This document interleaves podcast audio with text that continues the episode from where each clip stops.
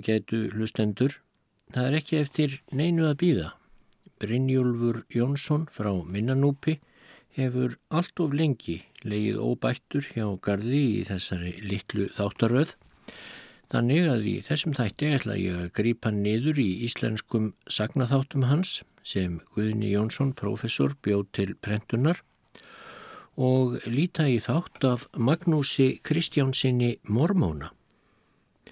Hann hefst á þessa leið. Kristján hétt maður, Kristjánsson bónd á seli í Stokkseirarreppi og Salgerðar. Svo var sýstir Þurriðar Formans. Kristján Yngri bjó á Kekki í Stokkseirarreppi. Katrín hétt kona hans, Magnús Dóttir og Magnús hétt sonur þeirra, Magnús Kristjánsson. Fleiri börn áttu þau er ekki koma við þessa sögu. Magnús Kristjánsson misti móður sína ungur en fadir hans skiptist aftur. Ólst Magnús upp hjá föður sínum og stjúpu við heldur harðan kost því þau voru fátæk. Um upplýsingu eða mentun var ekki að ræða. Var það bæði að þau höfðu ekki efni á að kosta neinu til þess en það var þeim ekki ljóst að þess væri nein þörf. Um þær myndir stopnuðu þeir Guðmundur Torgrímsen, Veslunarstjóri á Eirarbakka og Þorleifur Hrepstjóri Kolbeinsson á Háeiri barnaskóla á Eirarbakka sem síðan hefur haldist. Í þann skóla gengu margir bændasinnir þar úr sveitinni og enda úr nágrannasveitunum en ekki var Magnús Kristjánsson í þeirra tölu. Á kekki voru þrjú bíli síðsti kökkur, mið kökkur og kakkar hjálega. Kristján bjó á síðsta kekki. Á miðkekki bjó Jón Þorsteinsson, orðalagður fróðulegs og vitsmönnamadur, vinsæll og velmetinn en þó eigi ríkur. Þorstein hétt sonur hans. Þorstein Jónsson var þremur árum eldri en Magnús. Hann gekk á barnaskólan.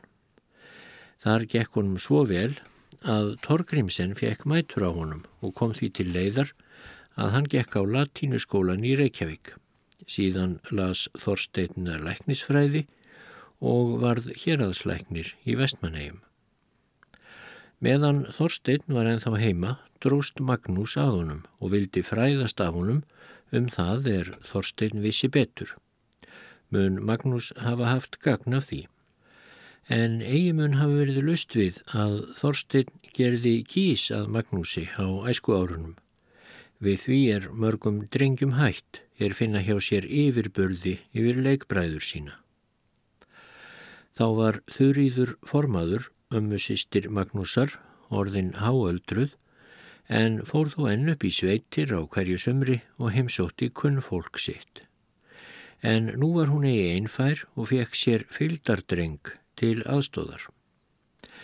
Þá er Magnús var 12 ára var hann eitt sumarið fylgdarmadur þurriðar. Hún var dagum kyrt á minnanúpi sem hún var vön, sá sem þetta rittar var þá um fermingaraldur. Átti hann tal við Magnús og fann að hann var grendur eftir aldri en þó heldur fáfróður. Magnús gat Þorsteins og mátti finna það á honum að hann trúði ekki öllu sem Þorstein hafi sagt honum. Um sjálfan sig talaði Magnús fátt. Hann fann sjálfur að hann var lítilmenni að burðum. Hann var þá eigi stærri en meðalstór 8 ára drengur, þótt 12 ára væri. En hann hafði góða vonum að sér færi fram með aldrinum, sagðan, því hann geti drukkið rátt rossablóð og rálísi. Það var hið eina sem hann taldi sér til gildis. Honum brást eigi heldur framfara vonin, raunar varðan aldrei mikill vexti, náði tæplega meðal hæð, en hann varð þéttur og velli og þéttur í lund með aldreinum. Vistgengur var hann tvítugur, fór hann þá frá föður sínum og stjúpu og er þess ekki getið að hann hafi saknað stjúpu sinnar mjög. Fyrst fór Magnús að lágafelli í landegjum og var þar eitt árið að tvö. Þá fór hann að tjörnum Það er einn af hinnum svo nefndu holmabæjum sem markarfljót hefur á setni öldum skorið frá eigafjallarsveitarlöndum. Á tjörnum var Magnús sex ár þá rýjar hann í vestmannegjum á vetrarvertíðum. Kynntist hann þar mörgum, bæði þarlendum og sjómanum af landi. Var þar margur maður sem ímislegt gott mátti aflæra og notaði Magnús það að tækifæri vel. Og með því að hann hafði góða hagleiksnáttúru held hann sig engum að smíðum og stundaði að læra bæði hjórtsmíði og silfursmíði. Náði hann svo mikillir framför í þeim yðngreinum á tómstundum sínum að hann hefði getað fengið sveinsbref en þess fór hann aldrei á leit. Það var þá enn algengt að náttúruhægir menn voru álitnir einskóðir smiðir og þeir sem lert höfðu og leist sveinsbref. Silfursmíði lærði Magnús engum hjá einari Eiríksinni, silfursmið sem þá ótti heima í Vestmanægjum. Þóttist Magnús sjá að smiður myndi geta haft þar góða atvinnu, réðstan því út í eigjar en þá var lausamennska en ekki lefð með lögum. Einleipur maður áttu því ekki annars kost en að ganga í vist einhver staðar, að minnsta kosti að nafninu til. Fór Magnús þá sem hjú eða vinnumadur til Helga Jónssonar sem þá bjóað gerði í vestmanniðum. Helgi var bróðir Jóns Skálds sem kallaði sig Myrdal. Helgi var hóglátur maður. Kona hans hétt Kristín Jónsdóttir, sköruleg kona en skapstór og þó eigi geð betri fyrir það að henni þótti sopin góður. Þótti Magnúsi þar ekki gott að vera. Þennan vetur, en þetta var 1872 til 3, var mikil reyfing í vestmannegjum. Hafðu margir yngri menn áhuga á að fara til Brasilíu og ímyndiðu sér að þar mætti fá auð og allsnektir án nokkurs ómaks eða fyrirhafnar. Þá var þar líka loftur mormónabiskup. Hann var sestur að á vestmannegjum og bóðaði þar trú sína. Fekkur loftur marga til að láta skýrast mormóna skýrin. Í þá daga dætt engum í hug að efast um að hvert einasta orði í reikningunni hefði sama gildi og Guð hefði talaða sjálfur en mormónar byggja trúarkrettur sínar aðarlega á reikningunni, læra hanna svo að segja spjaldana á milli, hafa ávalt orðatiltæki hennar á reyðum höndum, máli sínu til stuðnings, en skilja þau á sína vísu og hafa gott laga á að sannfæra aðra um það að sinnskilningur sé hinn eini rétti. Og því trúaðir líka sjálfur eins og hver bókstafstrúar maður enda gerir. Meðal þeirra sem letu skýrast hjá lofti var Magnús Kristjánsson. Hans anferðist um það að mormónatrúin hefði æði mikla yfirbörði yfir lúterstrúna og þeirri sannfæringu helt hann jafnan síðan. Hann þóttist hafa innvortis reynslu fyrir því að hún væri rétt. Það er eitt af bóðorðum mormóna að þeir mega aldrei reyðast. Umbar hann því alla ósangirni og frekju er hann varð fyrir hjá Kristínu húsmóður sinni í drikkjukostum hennar. En það ásett hann sér hins vegar að búa ekki við slíkt lengur en árið út, þá skild hann fara af bænum. Þennan vetur höfðu nálega 60 ungir menn látið innrita sig til Brasiljufarar. Var þeim heitið því að dálítið gufuskip þýst skildi koma um vorið og sækja þá. Þeir voru flestir eða allir mormónatrúar. Vildu þeir gerðnan losna við fyrirlitningu þá og jáfnvel ofsóknir sem þeir og trú þeirra áttu við að búa hér heima. Það var svo sem ekki hætt við slíku í Brasilju, ha. En hvað sem því líður, Magnús gekk í þetta félag. Voruð kom, menn byggust til ferðar, skipið gætt komið á hverri stundu. En það dróst nú samt. Mannum fór að leiðast. Þeir horfðu rauðum augum út á sjóin dag eftir dag, en það var til einskis. Skipið kom aldrei. Nú eruðu allir þessir 60 félagar að skipa sér í vistir hið allra bráðasta. Má næri geta að slíkum glötunarinnar sónum sem mormónunum að þeim hef ekki verið hlýft við lögsókn ef á þá hefði fallið lausamennsku grunur þó að ekki veri meira. Magnúsi tókst að koma sér í vist hjá Árna Bonda á Ottstöðum, steinun hétt kona hans. Vinnukona var hjá þeim hjónum á oddstöðum er þurriður hétt Sigurdardóttir. Hún var ekki á 50-saldri. Magnús var þá lítið eitt yfir þrítugt. En þrátt fyrir þennan aldursmun varð brátt svo raun á að þeim fór báðum að detta dálitið gott í hug eins og skaldið segir. Þurriður var mormónatrúar eins og Magnús og að mörgu öðru þóttust þau samsvara hvort öðru. Það er ekki að orðlengja, þau trúlöfuðust og stóðu nú mikið til að fara að búa á næsta vori. Þau legðu sér dálitið herbergi þar á allstöðum og fluttu í það bæði. Ekki komst þar fyrir nema einn rekja. Urðu þau að gera sér að góðu að nota hana bæði. En loftur mormónabiskup gerði sér það ekki að góðu að Karl og kona mormónatrúar svæfu saman ógift. Siðfræði mormóna telur það höfuð synd. Sagði loftur þeim að fyrst þau byggju saman þá yrðu þau að giftast ef þau vildu verða hólpin. Þau hafðu auðvitað ekkert á móti því og gifti loftur þau eftir mormóna reglum. Fór svo aðtöfn vel fram. Ekki var fariðin eitt lind með þetta Ímsir sem ekki höfðu tekið mormónatrú hættust hins vegar að þessari giftingu. Ef þeir til að mynda mættu Magnúsi á götu tóku þeir ofan fyrir honum með hæðinni sveip.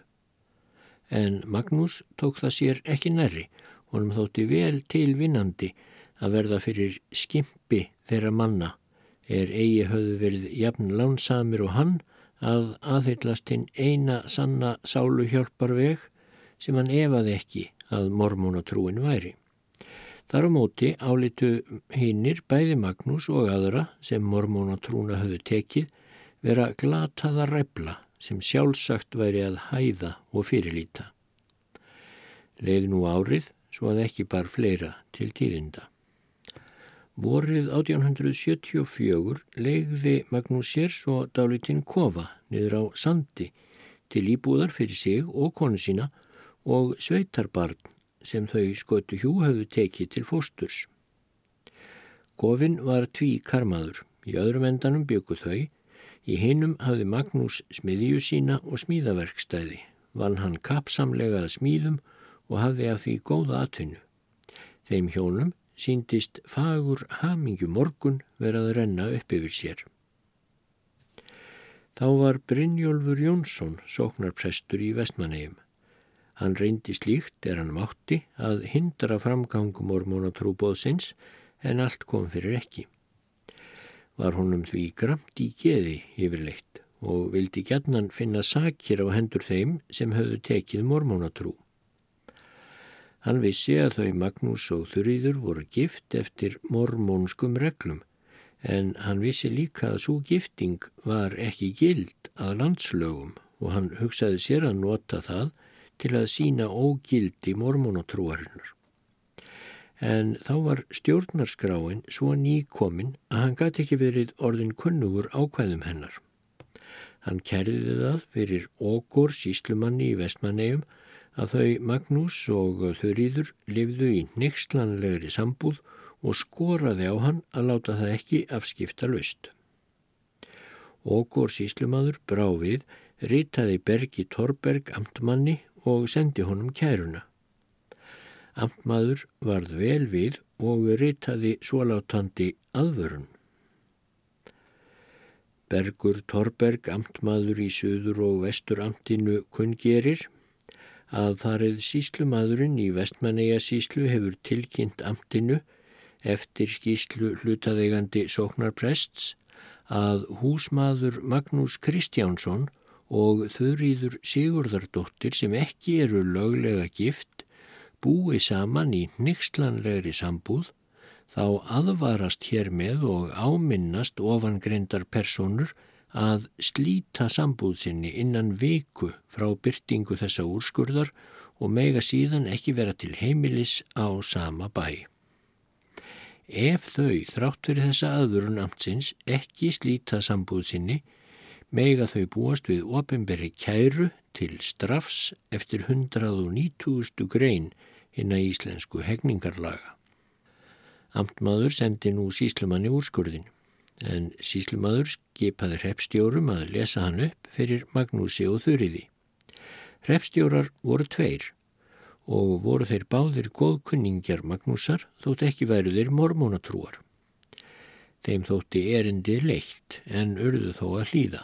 Veit Magnús ekki fyrr til einn morgun en að hreppstjórarnir koma báðir að kofa hans, klættir í spariföld. Hilsar hann þeim vel og spyrað erindum. Þeir spyrja í móti, hvort viltu heyra amts úrskurð úti eða inni? Inni, segir Magnús. Hann grunaði hvað um var að vera og bjóst við að fjöldi fólks myndi þyrpa stað ef úti væri lesin úrskurðurinn, en það vildi hann ekki. Þeir fóru inn og lásu þar upp úrskurðin. Þurriður varð sem stein í lostin og kom engu orði upp. Magnúsi var það líka þungt fyrir brjósti.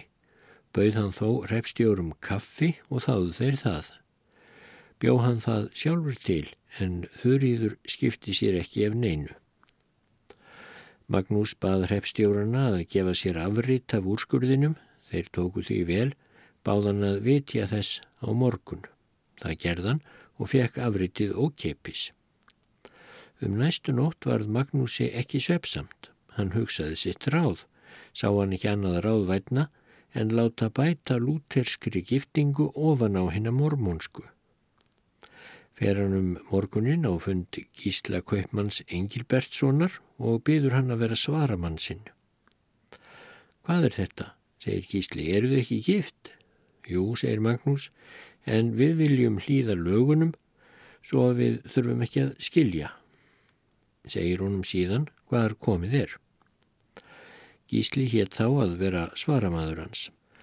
Þá fór Magnús á fund Þorsteins Læknis þess sem hafði stríkt honum hvað mest í æsku og bað hann hins sama. Þorstein var þá oddviti vestmanæjarreps nefndar. Fjallu orð mjög líkt millir þeirra gísla. Þorstein hétt að verða við bón hans um að vera svaramadur. Nú fer Magnús á fund prests og býður hann að gifta sig. Prestur svaraði á þá leið að sig bristi heimil til að gifta personur er væru annarar trúar en lúterstrúar en ég skal, saði prestur, spyrjast fyrir um það hjá yfirbóðurum mínum hvað ég á að gera. Þánga til svarið kemur, þá verið þið samt að skilja. Með þetta fór Magnús heim í kofasinn og var ekki gladur í huga. Hann sagði þurriði hvernig komið var. Hún var bæði rygg og reið, rygg yfir því að verða að skilja og reið yfir því að mennirnir væri að sletta sér fram í það sem hún gæti ekki séð að þeim kemi við og að þeir ætluðu að sundur skilja það sem hún áleitt að Guð hefði samtengt. Var þenni svo mikið niðri fyrir að Magnúsi þótti ég vel nóg um. Hann hafði aldrei áður séð eða hirt annað eins til konu sinnar. En þá kom honum allt í einu ráð í hug. Hann eh, bjóð til ofennjustert kaffi og gaf henni. Hún bræðaði það aðeins, fekk hún það aftur og saði Þetta er ódrekkandi. Drektu það, saði Magnús. Það mun ekki verða svo oft sem ég gef þér kaffi hér eftir. Hún drakk þá kaffið og varð nokkuð bumbult af. Þá segir Magnús, nú fer ég til læknisins og segju honum að þú sérst orðin brjáluð. Ég er ekkit brjáluð, segir Þurriður. Láttu sem þú sért orðin brjáluð þegar hann kemur, sagði Magnús og hann sagðinni og síndi í orðum og látbræði hvað hún skildi segja og hvernig hún skildi haga sér þegar læknirinn kemi. Fór Magnús nú sem skjótast á fund Þorsteins læknis og segir honum að ekki sé allt með feldu um þurriði. Segist halda að hún sé orðin brjáluð. Þorstein var bæði árvakur læknir og hjartagóður maður þrátt fyrir allt. Brá hann þegar við og fór með Magnúsi heim til hans. Hann hilsaði þar þurriði. Hún tók kveðjunni að vísu, bætti þó við nokkrum ósaman hangandi orðum sem hvergi áttu við. Læknirinn tók á úlið hennar og fann að æðin sló óreglulega. Hann meldi til Magnúsar. Þú segir satt, hún er ekki nærri hraust. Magnús baðan þá láta sig fá meðul handa þurriði. Læknirinn tók því vel og bað Magnús að koma með sér að sækja þau, gerðan það. Fekk hann bæði svefndrópa og hjartastyrkjandi drópa handa þurriði. En hún brást ítla við þegar hann kom heim með þetta. Hvað átti það að þýða að fara að fá meðul handa mér, spurði þurriður, þar sem ég er al heilbreyð. Þú veist, segir Magnús, að læknirinn vitjar oft sjúklinga sinna. Ef hann kemur aftur innan skams og hittir þig þá heilbreyða, þá skulum við þakka það meðulunum hans. Á ég að taka þau inn svonað óþörfu, spurði hún. Ó nei, sagði Magnús, við hellum niður úr svepdrópaglasinu, smátt og smátt, eftir því sem svarar fyrirlægi hans að þú takir inn, en hjartastyrkjandi drópana skaltu geima, þú getur brúka þá setna ef þú þart á að halda. Leði svo dagurinn að ekki bar fleira til tíðinda. Um morgunin eftir var Magnús snemma á fótum. Hann fer til fundar við Þorstein Lækni og kemur inn til hans áður en Læknirinn er alklættur. Magnús tók þá svo til orða. Nú er ég komin til þess að tilkynna hrepsnemdar oddvitanum það að hrepsnemdin verður að taka þurriði brjálaða og ráðstafa henni. Það hefur haft þessi áhrif á hana að presturinn neytaði að gifta okkur og við fáum ekki að vera saman. Svo verður þið líka að taka við sveitarbarninu sem hjá okkur er í fóstri því ekki get ég haldi það þegar ég er orðin einn. Þetta er því sama sem þrýr ómagar bætist á sveitina því þurriður mín mun reynast tvígildur ómagi. Eða hver ætli vil ég taka galna mannisku fyrir einfalt ómaga meðal. Þetta má ekki svo tilganga, segir Þorstein þá. Presturinn má til að gift ykkur og það sem allra fyrst, þá vona ég að henni batni. Annars líst mér ítla á þetta. Ég skal nú tala við hrefsnemdina hveður oddviti þegar nefndina til fundar í þinghúsi vestmanneia og tjáur henni þau vandræði sem upp eru komin. Og eftir nokkrar umræður félst nefndin á það í einu hljóði að rita prestinum alvarlegt bref, skora á hann að gifta þau Magnús og þurriði þegar í stað, ella verði hann að bera afleðingarnar því að þurriður missi vitið ef hún verði skilin frá Magnúsi. Það sé nú þegar farið að sína sig. Brefið var þegar ritað og maður var umsöguleust sendur með það til pressins. Þá er sendimaður kom til sér að Brynjóls með brefið var konan okkur stött hjá honum. Hún var mormónatrúar og voru þau prestur í kappræðu um trúmál. Kona þessi var af náttúru vel máli farin og hafði þarðu ekki fengið nýja mælsku með nýri trúarsanfæringu eins og venjulegt er. Biblíuna kunni hún utan bókar mest alla og hafði lært réttan skilning á henni sem mormónar kalla svo. Gerði hún prest hvað eftir annað orðlausan. Auðvitað fjælst sér að Brynjólfur ekki á biblíu skýringar hennar og hann fundust sínar skýringar réttari. En að sanna að svo væri, svo að konan get ekki móti mælt, það tókst honum ekki. Hann var því allt annað en vel fyrir kallaður þá er brefið kom og ekki var honum róra við er hann hafði lesið brefið. Þó var þann í aðra röndina fegin að fá tilefni til að slá botni í samtalið við konuna. Hann mælti því til hennar, ég beði afsökunar ég verða að slíta talinu vegna aðkallandi embætti sanna. Og svo fór sér að Brynjólfur undir eins á fund síslumanns og segir honum í hvert óefni komið er. Þurriður sé verða vittlaus út af því að eiga að skilja við Magnús. Sér sé ekki heimilt að gifta þau þar eða þau séu annarar trúar. Munni því nauður einn kostur að lofa þeim að synda sinn eigin sjó og búa saman. Byður hann nú síslumann í mannkærleik hans nafni að veita þeim sambúðarleifi. Til þess er hann fái svar upp á fyrirspurn sína. Já, til þess þarf læknisvottor, segir síslumadur. Prestur fer þá á fund læknisins og byður hann um vottorðið. Það stóð ekki á því. Prestur færir svo síslumanni læknisvottorðið og spyr hvort hann geti nú veitt leifið. Já, segir síslumadur, ef Magnús sækir um það sjálfur. En ekki nefndi prestur að tilkynna Magnúsi þetta. Þóttist hafa haft nóa snúninga fyrir mál Magnúsar þótt að liði undan. Honum var heldur ekki sárt um þó að Magnúsi kynni að sjást yfir í þessu atriði og erðu þau þurriður að skilja eftir allt saman. Nú hafði prestur losað sig við ábyrðina á afliðingunum af skilnaðinum og mætti hann nú vel fara fram eins og í fyrstu var til ætlað. Fór prestur nú heim til sín og rætti ekki um þetta frekkar og let ekki Magnús vita. Þorstein Læknir vissi vel að Magnús þurfti að sækja um sambúðarleifi ef hann átt að fá það og sem oddviti hrefsnemdarinnar vildi hann fyrir hvern mun að þurriður heldi vitinu og ekki eruðu sveitar vandræði að henni. Hann benti Magnús í því á að sækja um leifið og gerði Magnús það. Og með þessum hætti fengu þau hjónaleysin leifi til að lúra í sama bólinu á nóttum þanga til prestur fengi svar upp á fyrirspurn sína til sinna yfirvalda um hvort hann mætti gifta þau. Nú varð þurriður albata á sveipstundu. Kvís hafði verið komið á um geggjun hennar og hafðu menn orð á því við Magnús að hefni hefði verið hver fljóttinni batnaði. Já, saði Magnús og var heldur dríindalegur, hún er ekki fyrsti sjúklingurinn sem batnað hefur af meðlunum hans Þorsteins læknis.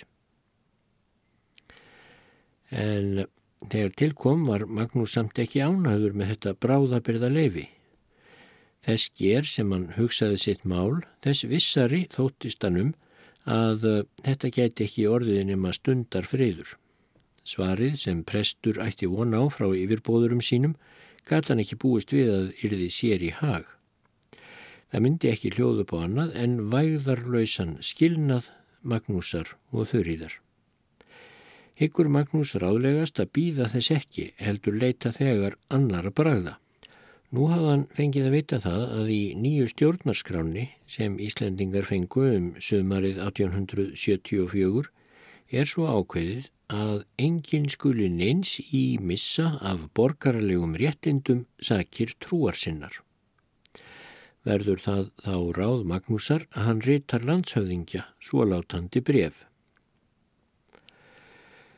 Þann fymta þessa mánadar var mér af hrepstjórum hér á eigum byrtur amts úrskurður í hverjum mér innan viku frá byrtingu úrskurðarins var bóðið að slíta sambúðminni við ekkjuna þurriði Sigurðardóttur sem ég hef búið saman við meir en ár og verið innvíður í hjónaband við að síð trúbræðra minna mormóna en til þess að þurfu ekki að slíta sambúðminni við þurriði leitaði ég þegar daginn eftir til sóknarprestsins og bað hann í votta viðurvist að gifta okkur en hann skoraðist undan því sökum trúarminnar.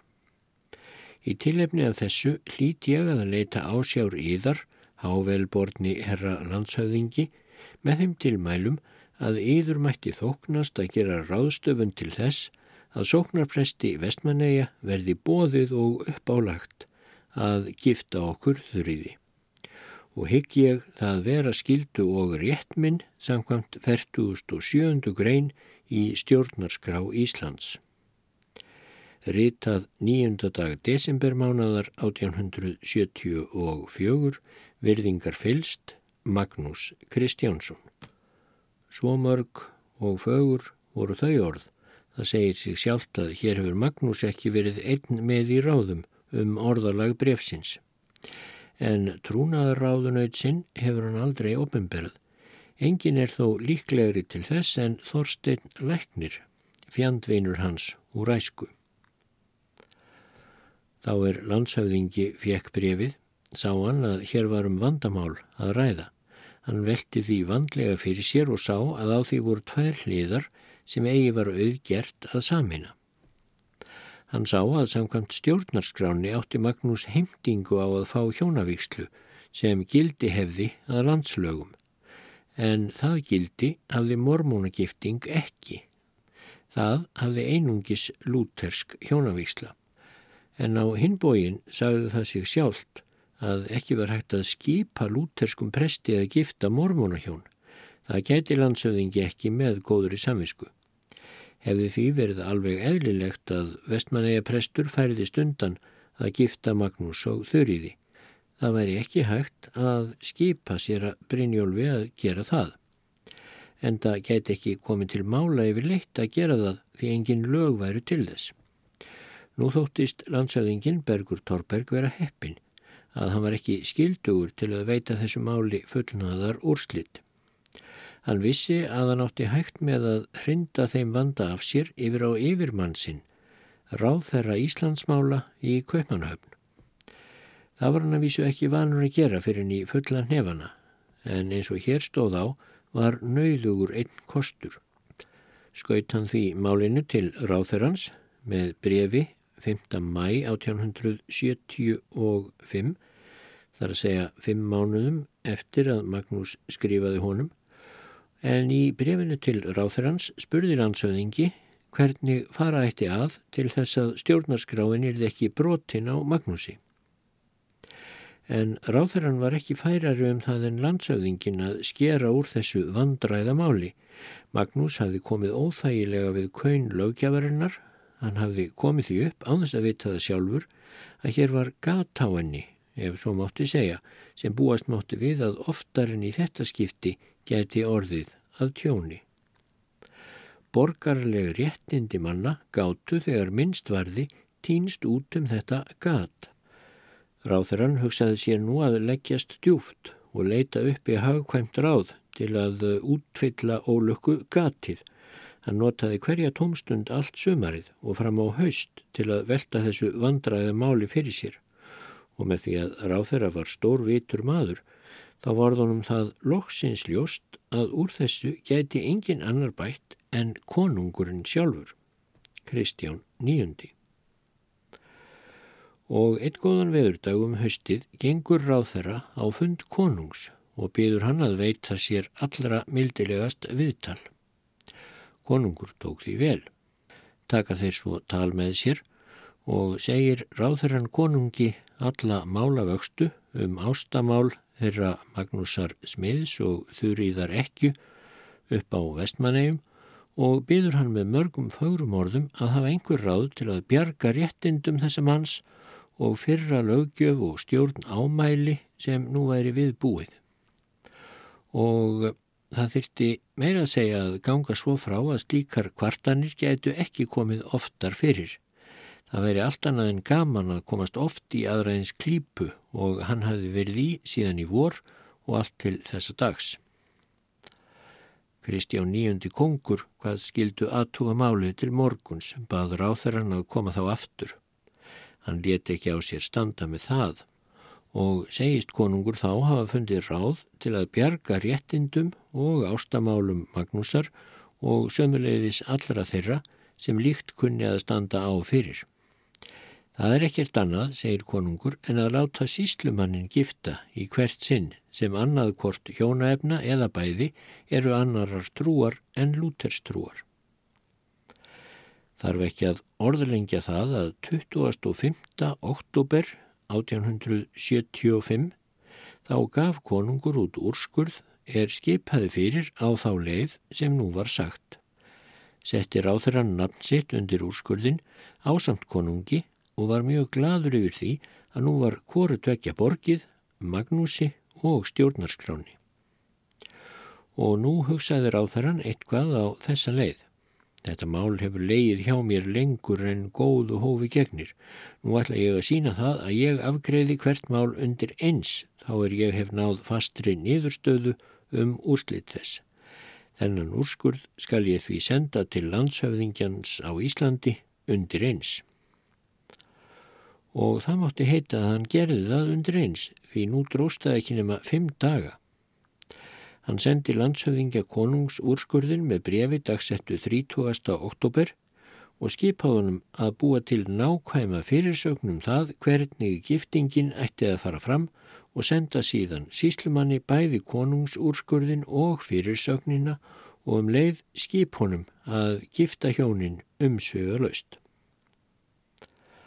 Þá er skipið sem brefið flutti kom til Reykjavíkur var novembermánuður næstum hálnaður. Því sem eftir var af mánuðinum veitti landshöfðingi ekki af til að útbúa giftingar fyrir sögnuna. Það var ekki hægt við að hann vildi kasta til þess höndunum sem kallað er. Hann var ekki svoliðis maður. Það var fyrst hann 7. desember að landshöfðingi var tilbúin og ritaði þá síslumanninum í vestmanniða síslu bref það sem ráð þeirra hafi bóðið honum. Því brefi fylgdi konungsúrskurðurinn og giftingar fyrir sögnin á samt skipun til síslumanns um að gifta þau Magnús og Þurriði heið allra fyrsta. Þá voru enn engar gufiskipaferðir millir Reykjavíkur og Vestmanæja, voru postferðir til eigana við það bundnar að eh, byr gæfist millir lands og eiga. Mun bref landshöfðingja hafa tafist nokkuð af þeim sökum og ekki hafa borist í hendur síslumanni Vestmanæja fyrir nálagt miðjum februarmánuði 1876. En það var svo einn fagran morgun síðilega í februarmánuði að hreppstjórar komu í annað sinn, báðir klættir í sparifött eins og fyrr, að finna Magnús. Voru þeir nú miklu gladar í bragði en í fyrraskiptið. Lásu þeir konungsúrskurðin upp fyrir Magnúsi og Þurriði urðu þau bæði fegin. Létt Magnús nú ekki lengi dragast að finna síslumann, byrja hann að gefa sig saman við Þurriði en veita sér þó áður allar nöðsynlegar leiðbenningar sem meðþyrti til þess að máliðirði réttilega undirbúið af hálfu Magnúsar og að ekkertirti að koma fyrir sem gæti til hindrunnar orðið veitti síslumadur honum þær leiðbenningar sem þarf var á. Var nú ákveðin brúðkaupsdagur og skildi brúðkaupið fara fram í þinghúsi vestmanneia klukkan 12 á hádegi. Létt síslumadur Magnús kynna sér nákvæmlega reglur þær sem fylgja skildi við aðtöfnina og fór Magnús nú heim. Á leiðinni mætti hann kunningja sínum og sagðunum hvar nú væri komið. Sá sagði aftur sínum kunningja og svo maður manni barst fregnin á sveipstundu til allra eigabúa. Þóttu það engin smávegi stílindi að sjálfur konungurinn hefði skipað síslumanninum að gifta þau Magnús og Þurriði. Það mátt ekki minna kosta, sögðum en sín á meðli. Ekki nema það þó að Kristján konungur þurfi að fara að skipta sér af því sjálfur. Menn byggust aukveðs við að þessi giftingar aðtöfnirði meir en lítið enkenleg og var almenningi á eigunum mesta forvitni á að sjá og heyra hvernig hún færi fram. En það var hverjum sem vildi heimilt að koma þangað og fylgjast með og það dætt engum í hug að láta ónotað. Að morgni hins ákveðina brúðköpsdags tók fólkið snemma að flikjast að þinghúsinu og er því var lokið upp, ruttist inn svo mikill mannfjöldi að húsið varð á sveipstundu fullt tók það þó 500 manns. Egi voru þó heinir færri sem útistóðu. Síslumadur koma á ákveðnum tíma og með honum brúðhjónin og svaramennirnir. Það voru þeir alnafnar Þorstein Læknir Jónsson og Þorstein Jónsson alþingismadur. Repstjórar rýmdu nú til í þinghúsinu svo að síslumadurinn gætt komist inn að forsættispeknum og brúðhjónin á samt svaramannunum þrýsti fólkið sér saman til begja hliða svo að gangur yrði opinhanda þeim milli manna. Forsætisbekkur þinghúsins var nú hafður fyrir brúðarbekk, helt síslumadur fyrst tölu yfir brúðhjónunum og skýrði fyrir þeim hjónabandsskildurnar.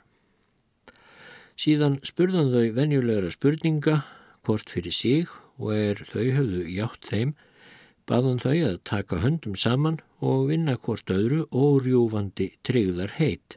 Það gerðu þau fúslega. Lýsti síslumadur því þá yfir fyrir öllum er áheyrðu að frá þeirri stundu væri þau lögleg hjón.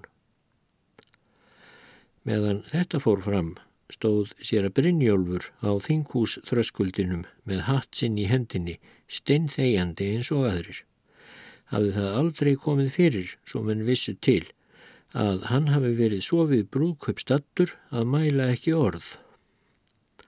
Síslumadur mælti hins vegar til sér að Brynjóls eftir aðtöfnina, svo er til ætlað að þá er síslumadur gefur saman hjón svo sem nú hefur verið gert, að sóknarprestur brúðhjónana innfæri giftinguna í kirkjubókina verði ég þá að uppáleggja yður að innfæra hana.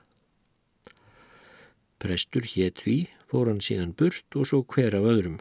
Síslimaður bað Magnús að koma til sín að þrem klukkustundum liðnum til að sækja til sín hjónabandsvottor þeirra, það skildi þá verða tilbúið.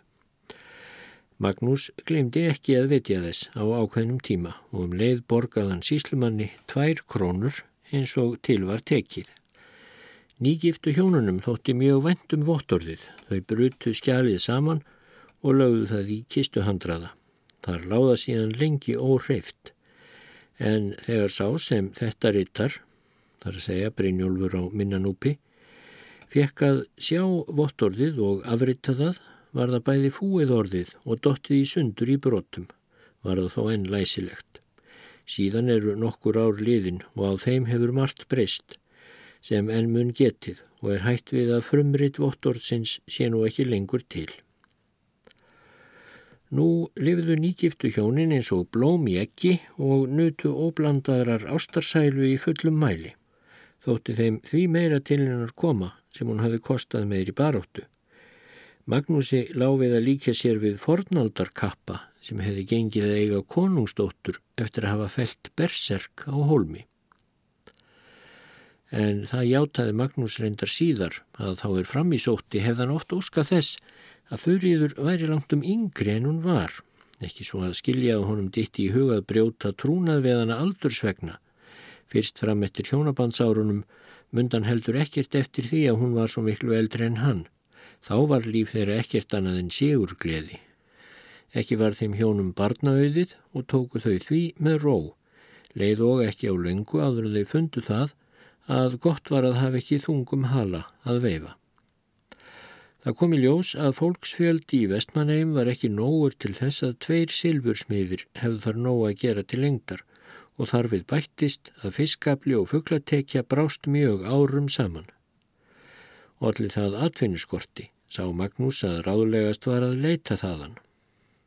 Þótti mörgum sem beinast lagi við að þau hjón færu til Júta til trúbræðra sinna mormónana eins og margir vestmanneia mormónar hafðu gert en bæði var það að þau skorti fétil þeirrar ferðar en það langaði þau ekki lengur burt frá Íslandi. Sannaðist þá á Magnúsi það sem skáldið hveður, hugurinn þangað þrengis lengi hvar þeirra fögur æskanbjó. Hann var nefnilega þess fúsastur að hverfa aftur í Stokkseyrarsreppin og hann framkvæmdi það höstið 1879 Þá um sumarið hafði hann tekist að fá atvinnu í vestmannegjum því fór hann ekki þaðan fyrir um haustið. Þá settist hann að í útgörðum í Stokkseirar hverfi, kefti þar bæ og bjóði honum 26 ár. Varð honum jafnan gott til atvinnu því hann gætt gengið að hvaða verkum sem fyrir komu og fóru þau honum öll jafn vel úr hendi. Silfursmíðinni var þann þó að sleppa því á Eirarbakka var góður silfursmiður sem fullnægði næstu byggðarlögum hvað þann yðnað snerti. Fast heldu þau hjónin við mormónatrú þó að engin væri söpnuðurinn utan þau tvö einn. Helgi síða æfingar þeirra fekk engin að vita neitt um. Þær fóru fram innan fjögur að vekja og gátt menn til að þar myndu þær hjartnæmastar sem best væri næðið og eilurinn. Sá sem þetta rittar átti eitt sinn tal við Magnús er hann vann að trésmíði hjá einari kaupmanni Jónssoni á Eirurbakka og spurðan hvort að veri enn skoðun hans að mormónatrúin veri betri en lúterstrú. Magnús hvaða svo vera? Samt gerðan aldrei tilrönd til að leiða aðra menn til mormónatrúar. Hann áleit sig ekki kallaðan til þess og tregðu laust galt hann skildugjöld sín til lútersku kirkjunar. Veturinn 1905 fekk Magnús heilablóðfall og misti mátt og meðvitund svo að dögum skipti. Þó rétt hann svo við aftur að hann fekk mál og rænu og mátt nokkur í aðra hlið líkamanns, minni hans vaknaði líka aftur að nokkur leiti. Mundan helst það er hann hafði lengi munað og fyrr gerðist. Var Magnús þá settur á Eirbakkarrepp og var hann fenginn staður í Óseirarnesi. Þar lág hann síðan í kör en naut góðrar aðlýningar og umhyrðu. Þurriður varð eftir í útgörðum þá er Magnús var fluttur þaðan veikur og eftir það bjargaði hún sér með litlum styrk fram á veturinn 1909 til 10 þann vetur dóun. Voru þá allar reytur þeirra hjóna seldar á uppbóðstingi og þar á meðal á nefa kistan þar sem vottordsritjan var gemd í handraðanum er hægt við að því hafi þá verið fleikt. Svo saði Magnús þeim er þetta rittar að fremur hefði það glatt sig en hrygt að frétta lát þurriðar. Saðist hann samgleðjast með henni að hún væri nú frelsuð. Nú væri það sín eina von að frelsast hérðan líka. Jésús hefði oftar en einu sinni byrst sér í draumi og lofað að gefa sér þurriði unga og fagra í öðrum heimi. Sýnir þetta bæði trúaralvöru Magnúsar og líka hitt að trúarsælan er ekki komin undir trúarbröðunum heldur trúarlífinu. Það var svo fyrir eða um 1900 að Magnús sagði sjálfur aðalatriði sögu sinnar í áherinn þess er þetta rittar og margra annara.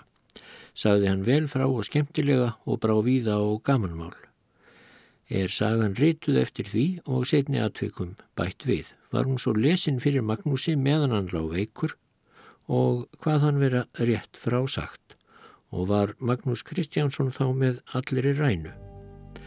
Þetta var veturinn 1910 en Magnús dó 20. og annan ágústmánaðar næsta sömar eftir 1911 og líkur hér þætti hans og þurriðar.